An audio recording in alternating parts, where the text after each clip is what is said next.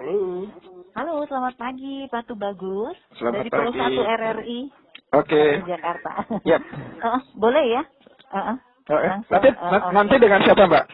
Eh, dengan Binda. Oke, Binda. dengan Mbak Binda ya. Oke. Ah, ya, Yuk. kami program ya. Oke. program. Yuk, Makasih. Makasih. Nanti juga kami masih akan melanjutkan obrolan pagi hari ini sambil saya menyapa juga yang sudah bergabung di WhatsApp Pro 1 Jakarta. Seperti ada Ibu Tati. Assalamualaikum, Waalaikumsalam Bu Tati. Kalau memang sebelum berakhir membawa dampak positif tentu pemerintah eh, mengambil hasil yang terbaik dan eh, lanjut atau diakhiri yang tidak merugikan menambah pandemi lagi. Sekian. Baik, terima kasih Bu Tati sudah bergabung dan kita juga akan melanjutkan obrolan kali ini bersama dengan pengamat kebijakan publik dari Forum Warga Kota atau FAKTA.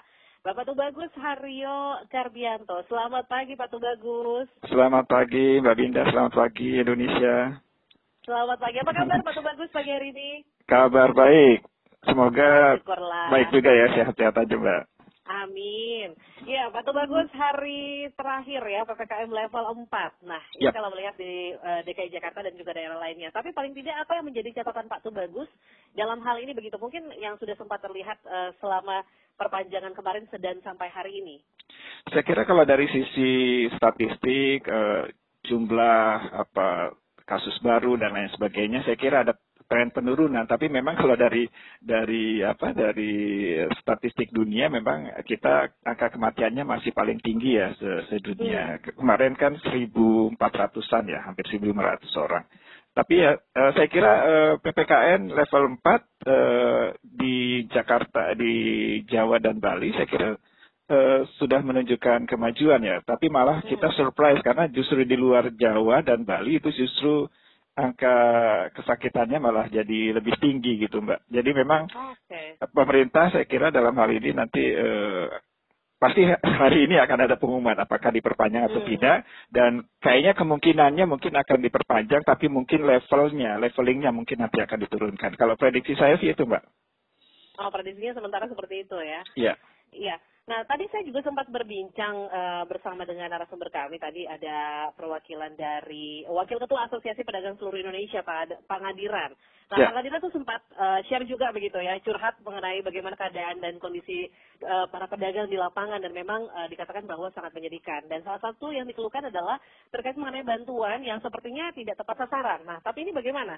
Menjadi catatan dari Pak Bagus terkait mengenai stimulus dari pemerintah dalam eh, PPKM level 4 ini untuk eh, masyarakat tertentu begitu.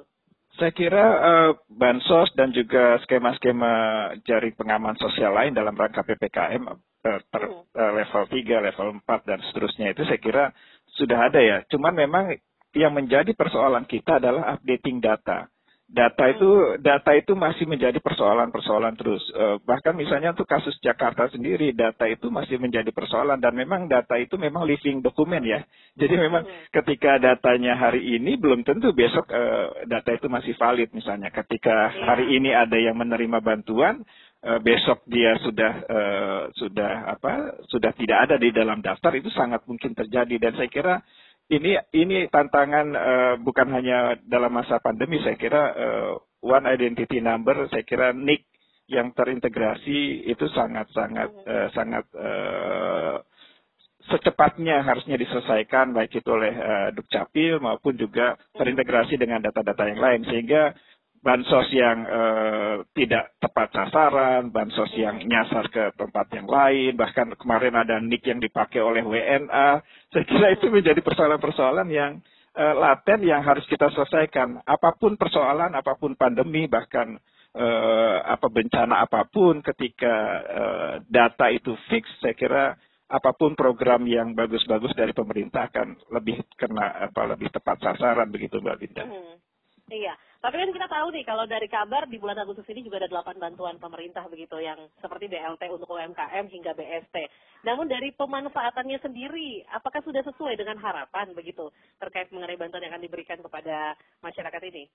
Bagus. Saya kira kalau dari bantuan modal untuk eh, teman-teman UMKM, saya kira mereka sangat perlu sekali ya. Dan juga itu di, dibarengi juga dengan eh, bantuan langsung tunai juga yang diperuntukkan oleh teman-teman kita yang memang eh, terdampak dalam pandemi. Dan eh, pemberian eh, bantuan langsung tunai ini saya kira juga akan mengupgrade apa meng- mengakselerasi ada tingkat belanja juga di tingkat warga. Karena misalnya kalau uh, sebuah fenomena misalnya kalau bantuan itu berupa inatura, beras, uh, indomie, bla bla bla itu saya kira akhirnya orang juga nggak belanja ke mana-mana. Tapi dengan bantuan uh, tunai ini saya kira bisa juga menggerakkan uh, menggerakkan uh, ekonomi di bawah. Tapi ya yang harus diwanti-wanti adalah apakah bansos itu dipergunakan dengan efektif. Misalnya dari beberapa temuannya fakta, misalnya uh, bantuan langsung tunai pun karena atas nama suami uh, sehingga istri hanya mendapat uh, sebagian dan ketika suaminya adalah perokok uh, itu dibeli juga untuk beli rokok. Ah. Nah ini yang ini yang iya. skema-skema ini yang juga memang harusnya di, diperhatikan oleh pemerintah sehingga uh, dana tunai yang diberikan itu pun harusnya juga uh, terbelanja dengan barang-barang uh, yang uh, berguna, bukan untuk barang-barang yang uh, tidak berguna seperti hal-hal uh, tadi begitu. Iya, karena memang mungkin agak sulit dikontrol ketika sudah sampai di penerima begitu ya Pak Tuh Bagus ya. Betul sekali. Aha. Tapi paling tidak kalau memang ternyata ini akan dilanjutkan, mungkin juga yang menjadi catatan uh, penting begitu, yang perlu dilakukan saat ini karena kalau dari apa yang menjadi curhatan uh, tadi ya, yang saya sampaikan dan juga ada juga uh, penyampaian dari WhatsApp ya pendengar yang mengatakan kebanyakan ada yang bilang ya kalau bisa di stop saja katanya ada yang sudah bosan dengan kondisi seperti ini. Tapi ada juga yang mengatakan dengar-dengar kabar kalau dari tenaga kesehatan bahwa takutnya terjadi lonjakan kembali seperti di bulan Juli, eh, di bulan Juni, awal bulan Juni. Nah ini bagaimana Pak Tuh Bagus? Saya kira memang uh, pemerintah saat ini harus bekerja keras ya untuk menganalisis uh, baik dari skala makro maupun mikro kan karena memang tipologi uh, tiap kabupaten uh, kota juga mungkin agak berbeda-beda untuk untuk ini sehingga mungkin kalau kalau prediksi saya mungkin levelingnya itu nanti akan mirip-mirip dengan uh, PPKM mikro. Jadi per kota akan spesifik uh, disesuaikan dengan kondisinya masing-masing. Tapi memang uh, dengan berbagai level tadi saya kira uh, uh, masyarakat pun harus diedukasi dengan baik.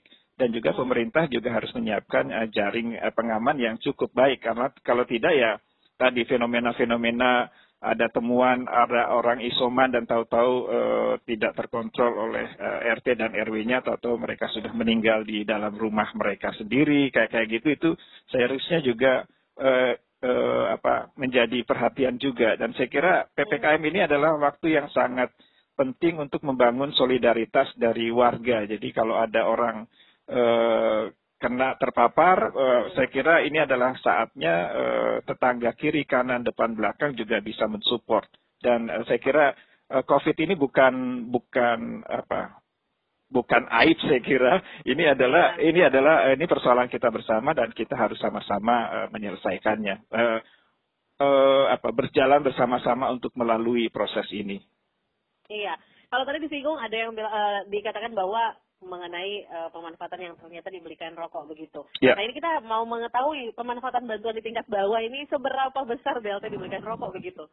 Uh, kemarin uh, minggu lalu sebetulnya fakta lagi uh, buat apa buat diskusi publik dan kita ngobrol-ngobrol dengan warga dan uh, banyak kan memang warga yang kami dampingi kan memang warga penerima BLT, uh, PKH dan sebagainya dan dari fenomena itu memang terlihat ada kecenderungan untuk hal itu dan saya kira uh, fakta sebetulnya mengusulkan ada skema yang yang uh, ke depannya misalnya.